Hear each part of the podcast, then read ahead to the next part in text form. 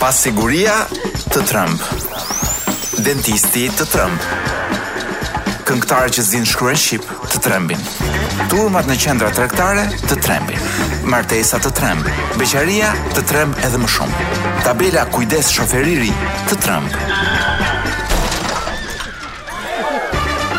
Çmimet e shtëpive të trembin, kredia të tremb. Po ky është një emision që nuk ju tremb. Sot nuk është e hënë. Mirëmbrëma të nderuar. As me të nderuar nuk më shkon sepse unë sot nuk jam live në Top Albania Radio. Ky emision është i regjistruar dhe unë në momentin që kam folur, kam folur në studion e vogël të radios. Kështu që është pak e vështirë të flasësh edhe të urosh njerëz që Do të dëgjojnë në një kohë tjetër, po themi mbas një ditë ose dy. Uh, jam në studion e vogël të radios sepse emisioni nuk mund zhvillohet uh, live ditën uh, e hënë kur e kemi normalisht. Uh, sot realisht nuk është e hënë. Dhe gjëja që e bën uh, përveç faktit që nuk jam live, gjëja që e bën për mua interesant këtë këtë emision të sotëm është fakti që e gjithë muzika e sotme nuk është e imja. Pra, nuk e kam përpiluar vetë. lista muzikore është përpiluar nga po themi nga unë sikur unë të isha femër. Pra është e gjitha shija e një femre në muzikë që do të vijë përgjatë këtyre dy orëve sot. Ë do të jemi gjithsesi dy orë së bashku do ta fillojmë me The Rolling Stones. Ë një nga këngët më do thoja unë klasike të tyre edhe për faktin që The Rolling Stones kanë qenë gjithmonë shumë kontrovers në fillimet e tyre. Ë Më kujtohen priftërinjtë e një herë e një kohe kur tentonin të më konvertonin mua dhe kur merrnin vesh që unë dëgjoja Rolling Stones dukej sikur hiqnin dorë prej meje.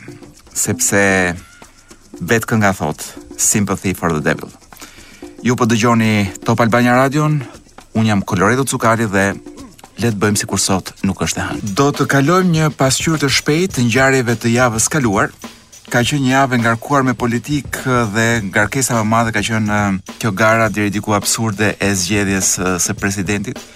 Nuk e di pse ka kaq shumë njerëz në qarkullim që janë të bindur që vërtet mund të kenë një mundësi apo mund të kenë dorë apo mund të kenë një shans për të diktuar ata se kush mund të jetë presidenti. Presidenti i këtij vendi për fat keq, tonin e zgjedh vetëm një njeri vetëm. Kështu që më duket e gjithë kjo gara dhe loja dhe bërja me sikur do zgjedhim një president më duket ca e lodhshme, por shumë njerëz e kanë marrë dhe seriozisht, le të themi. Ë përveç kësaj kemi pasur ca episode të tjera ku më interesanti ishte momenti kur Belinda Balluku po fliste për çmimin e energjisë elektrike dhe kanë ikur dritat në kuvend. Dhe më duhet të them që po ka një institucion apo një ndërtesë që harxhon kot energjinë elektrike është pikërisht Kuvendi i Shqipërisë. Kështu që unë do isha që edhe qirim atje të mos u japim, ose të paktën mos i lëmë të harxhojnë korrentin tonë duke karikuar celularët. Berisha paska refuzuar dietat e Kuvendit, lëvizjet jashtë Tirane i përballoj me të ardhurat e mia ë ndoshta prej pensionisti, Jam shumë i lumtur që doktori arriti kësaj dite, mbi 30 vjet me vonesë, por ia doli më në fund. Kemi edhe një lajm tjetër politik është nga këto, nga kjo politika ndërkombëtare, është Boris Johnson që paska thënë të merresh me Putinin është si të negociosh me një Krokodil. Më duhet të theksoj që Johnson është i vetmi nga shtetarët ndërkombëtarë që ka quajtur Putinin kafshë.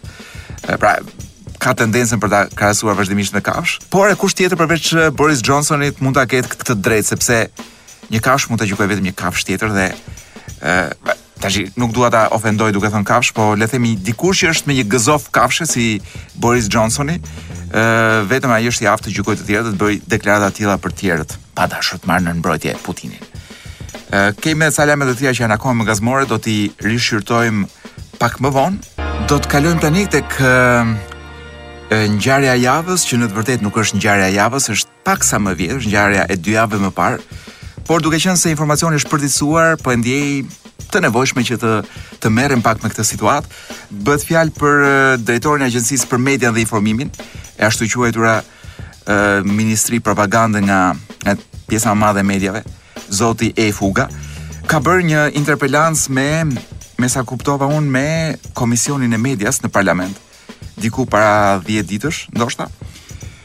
Dhe ngjarja pati e, momente, do thosha unë, që të shkrinin së qeshurit, ku zoti Fuga tha unë jam e, se si e tha unë jam idealist por jo naiv, apo jam idealist dhe naiv, a diçka e tillë. Por është shumë e çuditshme se si njeriu e shihka veten e vet, sepse ndërkohë që gjithë bota ka një mendim komplet tjetër për zotin Fuga, sidomos bota e gazetarisë. Ë uh, shumë njerëz e quajnë Machiavel, ku di unë e quajnë me lloj-lloj gjërash, është faktikisht njeri shumë i pushtetshëm mbi ministrat. Është krahu i djathtë i kryeministrit kur vjen puna për çdo gjë që ka të bëjë me mediat. Të gjitha lajmet për kryeministrin përgatiten në zyrën e tij dhe dalin nga zyra e tij. pra gjithçka që u ushqehet mediave, madje edhe ministrat, si me thënë janë kukullat e zotit Fuga në teatrin e tij të vockël të kukullave. ë ai merr pra është njeriu që mund t'i nxjerrë ose mund t'i ndalojë të dalin ministrat dhe kjo ndodh prej kohësh, nuk kishte nevojë për këtë ministri. Është shumë për të qeshur sepse të flasësh për idealizëm në një vend si Shqipëria me një qeverisë si kjo shqiptare dhe me një shoqëri si ajo shqiptare është si të flasësh për uh, alienët në zonën 51 në Amerikë. Pra është diçka që e mendojmë që edhe mund të jetë, por uh, nuk ka asnjë argument dhe ka vetëm konspiracione që idealistët ndoshta ekzistojnë dhe në këtë vend.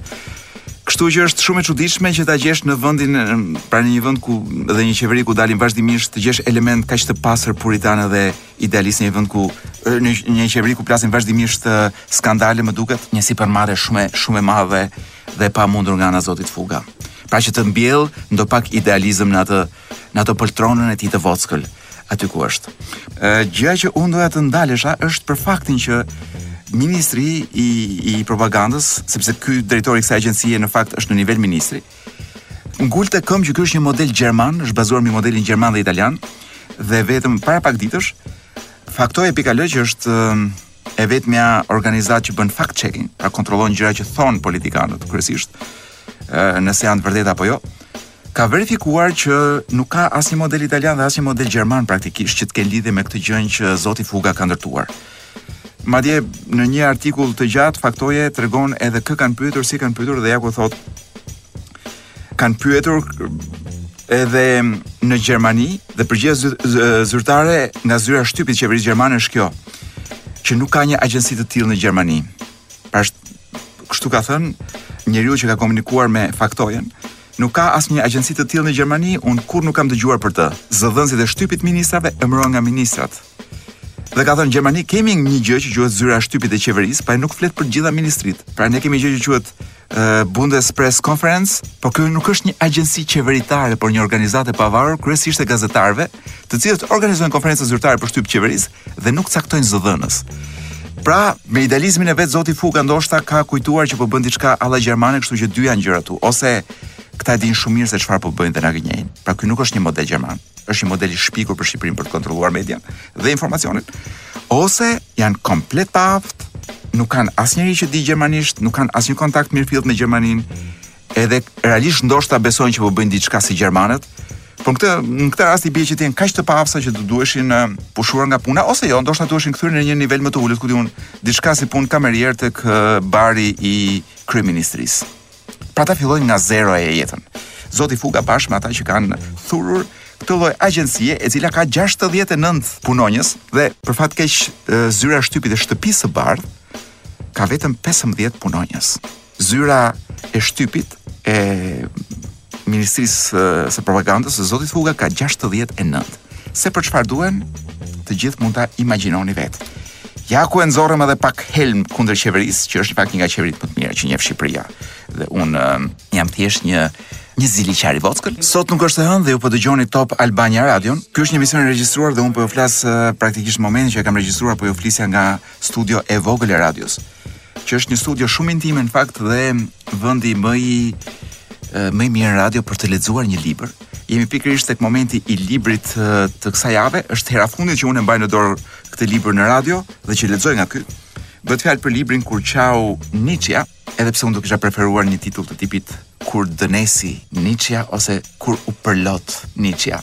Shtëpia botuese Morava, e cila me sa kam kuptuar unë ka të drejtën për të përkthyer dhe për të botuar gjithë librat e Irvin Jalomit, duke shpresuar që ia shqiptoj mirë emrin sepse është emër pra ky është një amerikan, një çifut i Amerikës, një nga psikologët më të njohur, është për psikologjinë sot ky është siç ka qenë Einsteini në kohë të vet për për fizikën. Pra është një personalitet i respektuar i psikologjisë, por gjithashtu edhe një shkrimtar shumë simpatik edhe i mprehtë, edhe ka një çik dorë të mirë në të shkruar. Gjatë librit ne folëm për takimet e Nietzsches me Brojerin dhe kur e lexon librin të duket sikur këta të dy shpikën së bashku psikologjinë. Brojer në fakt është babai i psikologjisë, po un po i lexoj nga faqet e fundit që janë shënimet e autorit për t'ju folur pak për këtë libër. Ndoshta mund të lexoj pak pikërisht faqen e fundit të librit. Dhe ja ku jam këtu te faqja 384. I dashur zotëri, fillon letra, sepse është faqja e fundit është një grup letrash të shkruara, si me thënë, të shkruara nga personazhet e librit. A lexoj këtu më 18 dhjetor 1882, Josef Brojeri u kthye në klinikën e tij te zonja Becker dhe te pacientët që e prisnin. Më vonë ai hëngri drekë me shoqen, fëmijët, vjehrrin dhe vjehrrën. Freudin dhe Maxin me familjen e tij. Pas drekës, dremiti dhe ëndërroi për shahun si edhe për ta ngrënë mbretëreshën me një ushtar. Ai e vazhdoi praktikën e mjekësisë edhe për 30 vjet të tjera, po asnjëherë nuk i përdori më nuk e përdori më terapinë e bisedës. Të njëjtën pasdite, pacienti në dhomën 13 në klinikën Lauzon, Eckart Müller, që në fakt ishte Niçja, mori një pajton për stacionin e trenit dhe që aty udhëtoi vetëm në drejtim të jugut drejt Italisë. Drejt diellit të ngrohtë, ajrit të qetë dhe drejt një rendevuje, një rendevuje të ndershme me profetin persian të quajtur Zarathustra.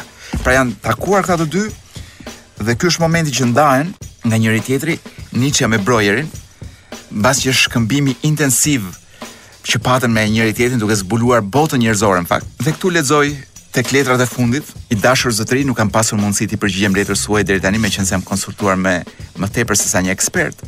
Kjo vonesë ka vënë në provë durimin tuaj, e të tjera të tjera dhe për ta mbyllur një shënim i autorit që sqaron shumë gjëra mbi këtë libër që ju kam lexuar dhe dy javë më parë. Friedrich Nietzsche dhe Joseph dhe Joseph Breuer nuk u takuan asnjëherë. Dhe sigurisht psikoterapia këto janë shënimet e autorit. Dhe sigurisht psikoterapia nuk lindi si rezultat i takimit të tyre. Megjithatë, situata jetësore e personazheve kryesore është e rrënjosur në fakte dhe përbërësit thelbësor të këtij romani, ankthi mendor i Breuerit, dëshpërimi i Nietzsche-s, Këto dy vajzat njëra më bukur se tjetra, Ana O dhe Lu Salomea, marrëdhënia e Freudit me Breuerin, embrioni i psikoterapisë, të gjitha këto kanë ndodhur në vitin 1882.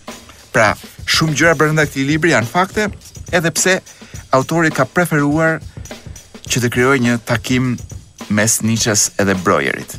Dhe në këtë shënim të autorit ai tregon pak a shumë nëse do gjithë pjesët e librit që janë fiction i tij. Brenda librit keni edhe një letër të Wagnerit, pra keni gjithë personazhet më të bukur të Austrisë, po edhe të gjithë Europës Perëndimore të fundit të viteve 1800. Freudin, Breuerin, Nietzschen, Wagnerin, ku di unë atë poetin Rilke, të gjithë i keni brenda këtij libri që Yalomi i ka ndërthurur dhe i ka futur në këtë libër për për të bërë për të krijuar pra një botë të tyre të gjithëve bashkë dhe për të eksploruar psikanalizën. Mbas gjithë këtij lëmshi, informacioni që tentova të jap, unë them që edhe mund të harrojmë ato që fola unë, edhe të rikthehemi tek muzika me Janis Joplin. Është shtuar shumë, po them kontakti informativ është shtuar shumë sidomos mbas situatës së luftës në Ukrainë, meqenëse vazhdimisht lajme dëgjojmë për një jaht nga një 100, nga një 200, nga një 800 e ca milion euro të shtrenjtë, një për të është pothuajse i masës gjithë më symshyri, Janë gati qyteza lundruese, shumë të shtrenjta, dhe të gjitha mendohet që u përkasin miliarderëve rusë. Sigurisht që Shqipëria ka miliarderët e vet. Tani, nëse Shqipëria ka luksin të përballojë miliarderë apo jo, apo jo, kjo është një çështje tjetër. Ë dhe sigurisht që edhe miliarderët shqiptarë kanë jahte, por bota e jahteve po del pak në dritë prej këtyre të rusëve. sepse për faktin që janë kapur nga policia në disa vende, ca në Itali, ca në Francë, një tjetër nuk e mbaj mend se ku, ne kemi mbërritur të marrim vesh se ç'ndodh brenda këtyre jahteve. The Guardian ka publikuar një artikull të gjatë bazuar dhe mbi dhënat e një kapiteni që ka lundruar me disa prej këtyre raht jahteve ruse prej 15 ose më shumë vitesh nëpër Mesdhe. Dhe gjërat që tregon ky janë, do thoja unë, rrëqethëse është pak, sepse ti kupton që është një botë komplet e paimagjinueshme aty brenda, që nga mënyra se si punësohen njerëzit e deri tek gjërat që ndodhin, nuk po flas për luksin e, sh e shfrenuar në njërin nga këto jahte siç tregon ky kapiteni, Importohej çdo javë të paktën 50 mijë euro ushqim, ushqim i zgjedhur nga Parisi dhe detyra kryesore e punëtorëve në këto jahte ishte që në çdo mëngjes të pastronin deri në vrimën më të vogël të dyshemes çdo gjurmë të drogave që përdoreshin gjatë partive të ndryshme. Dhe pastaj ka një kulturë të mirëfilltë seksizmi, prostitucioni etj etj. Parti luksoze, orgjira të vërteta që bëhen në... këtu nuk po vazhdoj shumë gjatë sepse shumë njerëzve mund të shkojë dhe goja lëng. Por këto sigurisht paratë e oligarkëve janë në fakt paratë e popullit rus që janë rrjepur nga ky grup njerëzish. Dhe gjëja që më bëri shumë përshtypje është mënyra se si i punësojnë njerëzit. Për shembull, të punësosh në një nga këto jahtet këtu, pra të kesh punën në në një jaht oligarkësh, Një nga kushtet që mund të të vënë është që të kalosh edhe një detektor të gënjeshtrave. Përveç kësaj, ata me kontratë kërkojnë që ti të mos flasësh jo vetëm me mediat, por as me familjarët e tu, dhe madje ti as mos vizatosh ë jahtin ku punon. Pra gjithçka për të zhdukur çfarëdo lloj informacioni se ç'ndodh brenda këtyre jahteve. që siç thashë qenkan plot me prostitucion, drogëra e ku di unë se çfarë. Arsyeja pse e kruajnë, pse e kruajnë dyshemen e jahtit është sepse në disa vende, pra kur jahti ankorohet diku, ka një ekip të doganës që shkon dhe kontrollon pikërisht për për drogë dhe nuk e di se ç'lëshojnë atje, ndoshta qen, ndoshta kanë mjete të tjera për të për të për të zbuluar drogën, nuk e di se çfarë do të thonë, miza, super të droguar, të cilat kërkojnë drogë gjithandej dhe shkojnë ngjiten aty ku janë ato piklat e fundit të kokainës, nuk e di se çfarë përdorin, por qenkan shumë të mirë për të detektuar drogën nëpër jahte, kështu që duhet të kesh një krah shumë të fortë në mënyrë që të të punësojnë për të kruar, siç thashë, cep më cep të jahtit drogën. Një nga gjërat e tjera është që ti nuk do të tregosh kurrë se kë pe në jaht, sepse aty ka njerëz që nga njerëzit më të rëndësishëm të showbizit e deri njerëzit nga njerëzit më të kërkuar të Interpolit, të gjithë këta në jahtet ruse. Sigurisht që s'ka të bëjë me jahte shqiptare, sepse në raport me Rusinë ne bëjmë të njëjtat gjëra, por e kemi në sasi çik më të vogla, që imagjinoj unë në jahte shqiptare ndoshta orgjitë janë me numër më të vogël njerëzish. Dhe numri i kriminelëve mund të jetë më i vogël ose në një shkallë pak më të vogël se ç'është ky që me cilin shoqërohen oligarkët rusë. Pra, një shaka e padëmshme me oligarkët shqiptarë.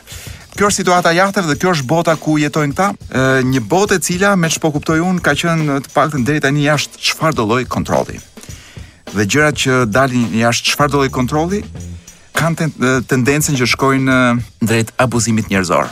Dhe lista e abuzimeve, siç raporton The Guardian, është e pafundme. Do doja t'ju lëshoja diçka të mirë nga lista e sotme, diçka që mund të mos e keni dëgjuar prej kohësh, mund të mos e keni dëgjuar edhe fare dhe turp t'ju vi, sepse janë ACDC. Kjo është një këngë e fundit e tyre, këta vazhdojnë të jenë gjithnjë më të mirë në muzikën që bëjnë, Back in Black në Top Albania Radio. Sapo dëgjuat Muse uh, me Supermassive Black Hole, uh, një nga këngët më të mira të tyre nga jo fiks nga fillimet, por diku nga mesi i viteve 2000, Muse dalin me një album të ri tani nga nga gushti, që do jetë ndoshta një gusht dhe një verë akoma më interesante nga pikëpamja muzikore. Është një nga grupet që mua nuk më zhgënjen asnjëherë në eksplorimet e tyre muzikore.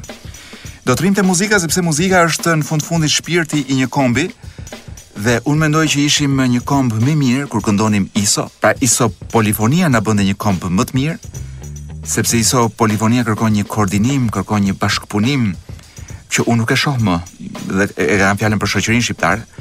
Tani jemi thjesht një komb kopjac dhe jemi në thelb një komb pa shpirt dhe unë këtë do doja t'ju tregoja sot duke u nisur siç bëmë edhe herën tjetër nga albumi i fundit i Jovanottit, i titulluar Mediterraneo, do të marrim edhe sot një këngë tjetër të tij, Alla Salute, për ta shqyrtuar dhe për ta vënë në raport me me muzikën shqiptare. Alla Salute është një këngë që ka dhe pak dashuri brenda, por është një këngë për gëzimin, është një këngë për njeriun e lirë i cili kërkon bukurinë e jetës duke pirë ndoshta apo duke duke u gëzuar me njerëz të tjerë Alla Salute e përkthyer shqip do ishte diçka tipit dollia juaj ose një dollie, nuk e di se si domethënë, për shëndetin tuaj apo për shëndetin tonë apo shëndeti. Pra është një një dolli praktikisht. Dhe para se t'ju shkoj tek kënga e Jovanottit, unë po marr një këngë tjetër shqiptare. Është pak e vjetër, por për aq sa njohun muzikën, aq pak sa njohun muzikën shqiptare, domethënë në detaje, është një nga këngët që është një këngë gëzimi, Është një këngë ku të rinj dhe të reja, pra ka një moment ku çlirohen dhe duan të gëzojnë. Shumë bukur. Le të krahasojmë gëzimin e shprehur në një këngë shqiptare ë me atë të këngës së Jovanottit. Çfarë kemi këtu? Ë, S'kena nevojë për karriga, na nuk ulemi, se na pëlqen muzika. Gjuje gotën, kallzom ku o shishja. Xhamadani vija vija, tu kcy mi tavolina, o sa mirë po nihna, S'do me shku te shpia, thirre policin, ka u ba dia, këqyre trupin tonë, unë s'i këqyri punt e mia, po kallet ke shpia. Pra kjo është pjesa më e bukur e gjithë këngës. Pastaj pjesa tjetër është bazike do thoja unë, hajde këcejna mi tavolina, pina mi tavolina, thejna mi tavolina, e bojna mi tavolina. Dhe kjo është kënga pak a shumë. Tani të kthehemi te kënga e Jovanottit, jemi në të njëjtën atmosferë gëzimi.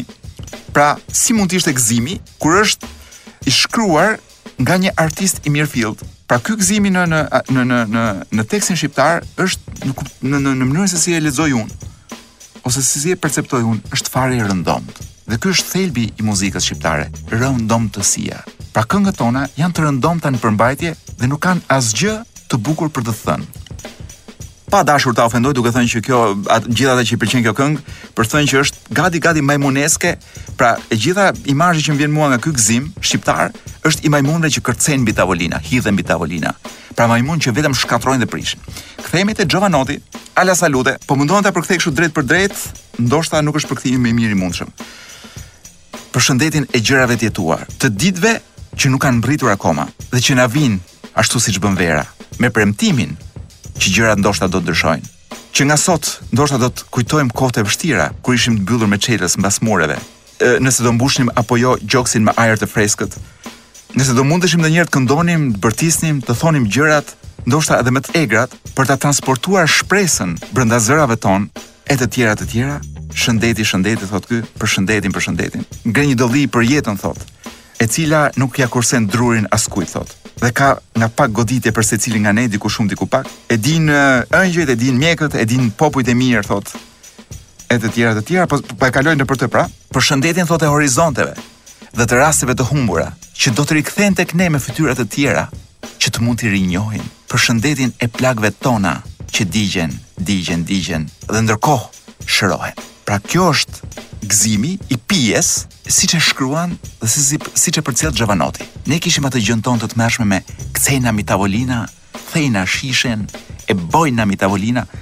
Pra ky është ndryshimi i madh i artit i artit mirëfilltë dhe i artit të rëndomtë. Çështja është që ky art i rëndomtë tashmë është pjesë e gjakut, e trurit, edhe mentalitetit të kalamajve tuaj, të studentëve tanë dhe gjithë këtyre njerëzve që nuk kanë parë gjë tjetër në këtë botë përveç se këtij arti të rëndomtë dhe gjitha çfarë përthithin është ky art i rëndomtë. Do t'jua lëshoj tani që edhe ta ndjeni muzikalisht Xhovanotin, pra në gjitha këto leksione të repit po i quaj unë, nuk ndalem aspak te muzika, ndalem vetëm tek përmbajtja që përcjellin tekstet, sepse tekstet në fakt, muzika vetëm i vesh, po ajo që përthithim ne është praktikisht brëndësia fjalëve. Ju po dëgjoni Top Albania Radion, unë jam Koloreto Cukali dhe sot nuk është e hënë. Ky është një emision i regjistruar një ditë më parë, për arsye që nuk mund t'i themi dot këtu në radio. Megjithatë, kjo nuk na pengon ne në fakt, që të bëjmë një pasqyrë të javës që kaloi edhe një herë, pra pasqyrën e dytë të javës që kaloi, dhe të marrim nga ca lajme të tjera, të marrim pak ajër Shqipërie. Çfarë kemi këtu? Marr vesh dhe ky është një lajm që doja ta ndaja me ju, që përveç alkoolit, policia ka nisur dhe testimet e shoferëve për përdorim droge. Tani unë nuk jam shumë i sigur se si se si testohet droga nga ana e policëve. Mënyra ime për të kuptuar kur dikush ka marrë drogë apo jo, është shumë bazike, pra kur ti je në klub dhe vjen dikush dhe thotë, të ofron qoftë mashkull apo femër, të ofron seks në këmbim në këmbim të një vize kokain, ti e kupton që ky njeri po merr drogë. Tash unë nuk e di nëse e njëjta gjë vlen edhe për policët, shpresoj që të kenë mjete më efikase për testimin e drogës dhe shpresoj shumë që mos jetë për shembull testimi i drogës, të mos jetë një ngatërresë për shembull me me me zbokthin e flokëve apo me gjëra të tjera që Në të vërtetë nuk janë nuk janë pjesë e dëmit që droga të bën kur je në timon. Një lajm tjetër po aq po aq dramatik është fara e skaduar, paska dështuar siç po lexoj këtu prodhimi i specave në sera. Në fakt që ka ndonjë lajm me dy që janë pak roz.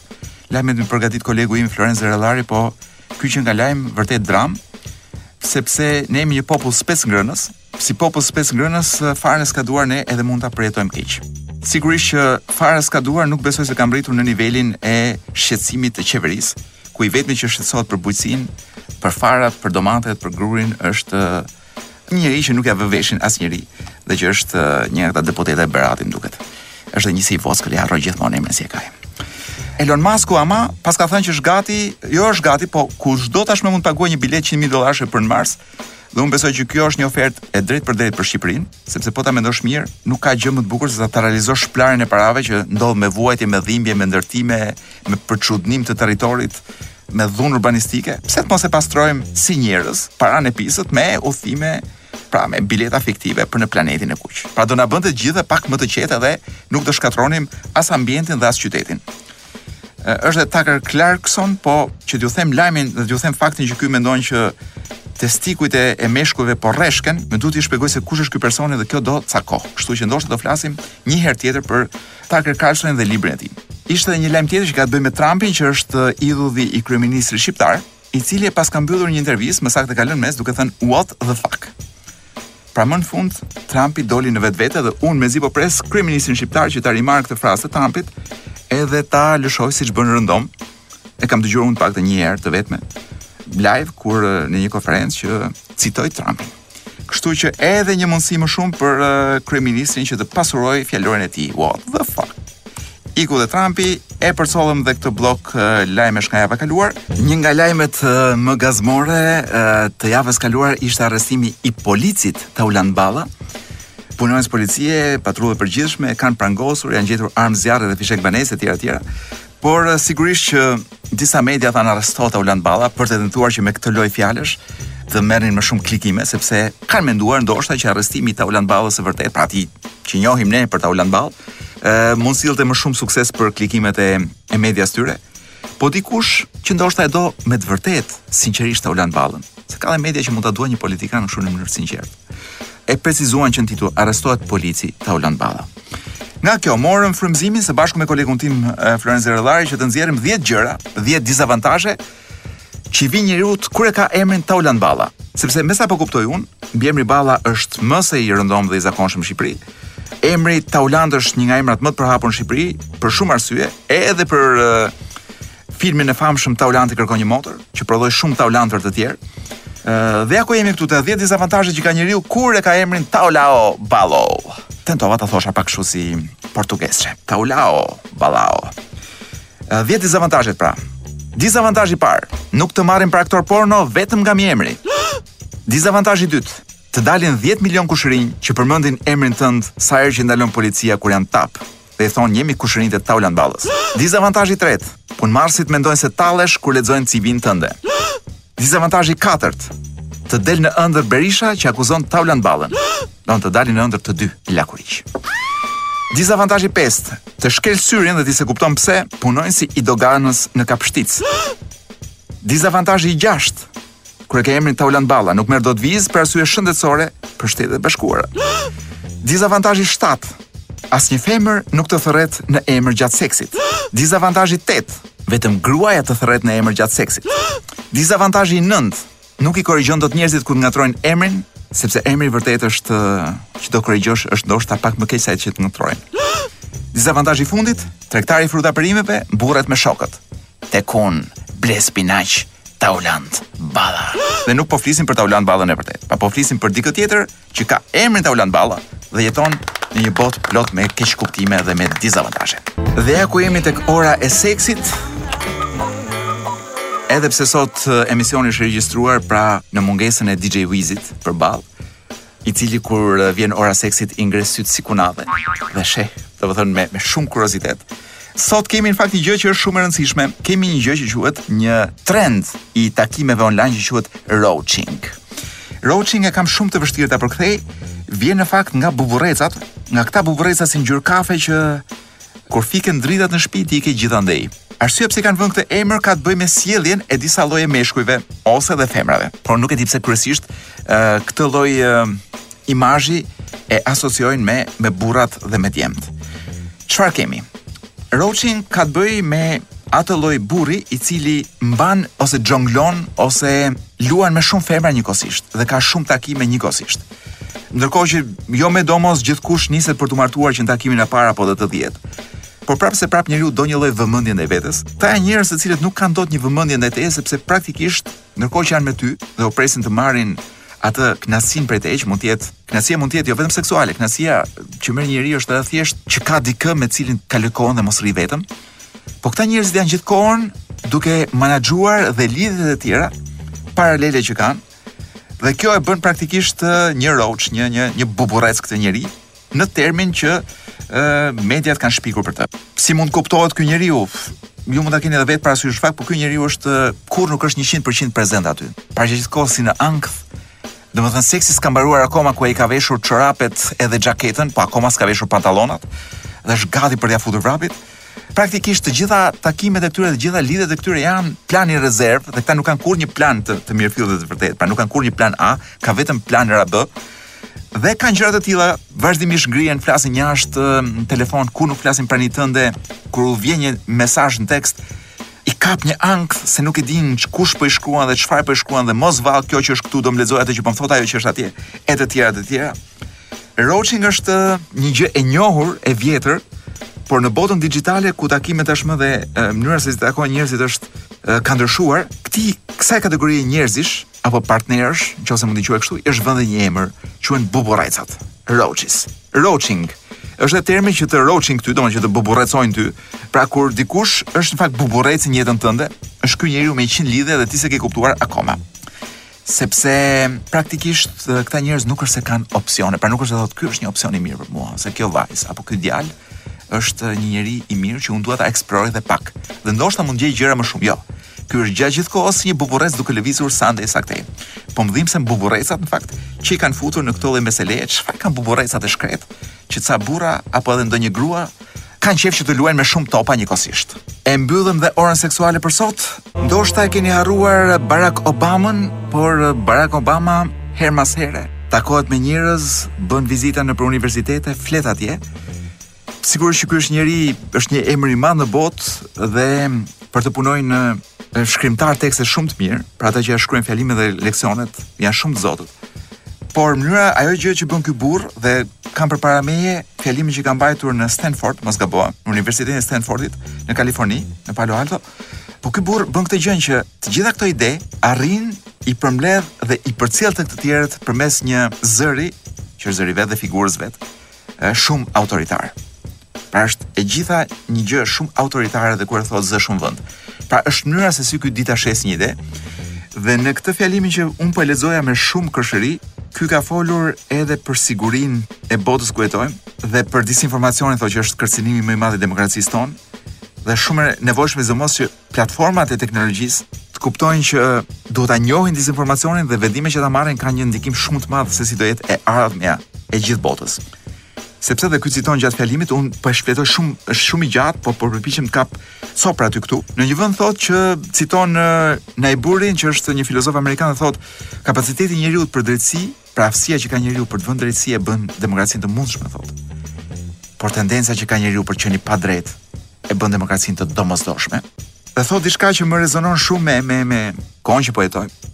Po jetojmë thotë në kohëra shumë të vështira thotë, edhe të rrezikshme. Ky është një moment shumë i rrezikshëm thotë në në në në në në botë. Pra, është një moment jo vetëm pra jo vetëm lufta në Ukrainë, sepse ne e kuptojmë sot luftën ë ose e perceptojmë shumë kur ndodh në Europë, por luftat kanë kohë që ndodhin në periferitë e globit, periferitë e Europës. Dhe ja ku jemi thot. Tashmë konflikti është i tillë që gjithçka është vënë në lojë, autokratët thot dhe këta burrat e fortë, apo këta që duan të bëhen burra të fortë. Çfarë ju kujton kjo? Mm -hmm. Po bëhen gjithnjë më të fortë thot në të gjithë në të gjithë globin. dhe në mënyrë aktive thotë, ata përpiqen që ta minojnë demokracinë. Po përpiqen thotë që të shkatërrojnë të drejtat e njeriut që mezi janë fituar thotë. Madje edhe të injorojnë ligjet e vendit, por edhe ligjet ndërkombëtare. Dhe kjo thotë nuk po ndodh vetëm në tokat e largëta, besoj referohet Kinës ose vendeve si puna Kinës, Myanmarit, ku di un. Por thotë ndodh këtu thotë edhe në zemrën tonë thotë, edhe në Shtetet e Bashkuara të Amerikës. Pra edhe në zemrën tonë. Domethënë edhe në Shtetet e Bashkuara të Shqipërisë. Dhe e mbyll, të shkoj tek fundi i fjalimit. Ky jep disa ide se si mund të përmirësohet bota, por ky beson që shkrimi i dorës thot ishte një mjet. Televizioni është një mjet, interneti është një mjet, rrjetet sociale janë një mjet. Por në fund të ditës, mjetet nuk na kontrollojnë ne. Ne i kontrollojmë ato. Dhe ne mund t'i ribëjmë ato. Kështu që na takon ne thot që të vendosim se çfarë gjëje do i japim vlerë thot. çfarë vlerë u japim këtyre mjeteve dhe t'i përdorim këto si mjete thot, si mjete për të zhvilluar vlerat tona, jo për t'i minuar ato. Këtë e futa nga vetja, nuk është fjalim. Dhe unë mendoj thot Obama që ne duhet të përdorim çfarëdo mjeti që kemi në dispozicion për të garantuar thot të vetmen gjë thot që është dhurata më e madhe që kemi, që është një qeveri e popullit nga populli dhe për popullin. Me keqardhje e them dhe nuk e them fare me me as me gzim. Por ne jetojmë në një vend, por edhe në një rajon, sidomos në një vend ku ne nuk kemi një qeveri as të popullit, as për popullin dhe as nga populli. Dhe ky është një trishtim i madh. Por, por, le të jetë kjo një ditë, pra, meqenëse sot nuk është e hënë, le të jetë kjo një ditë optimizmi. Dhe si do ta ngrejmë optimizmin vetëm me muzikë. Pra, duke bërë sikur nuk e dimë ku jetojmë. Duke mbyllur xhamat, jo sytë, se mund të përplaseni, edhe duke dëgjuar Gogol Bordellon. Start wearing purple for me now. Në Top Albania Radio. Së bashku do të dëgjohemi shpresoj live pas një jave në të njëjtat valë me të njëjtin zë. Por shpresoj unë shumë me DJ Wizin të gjallë edhe si kokrra e mollës.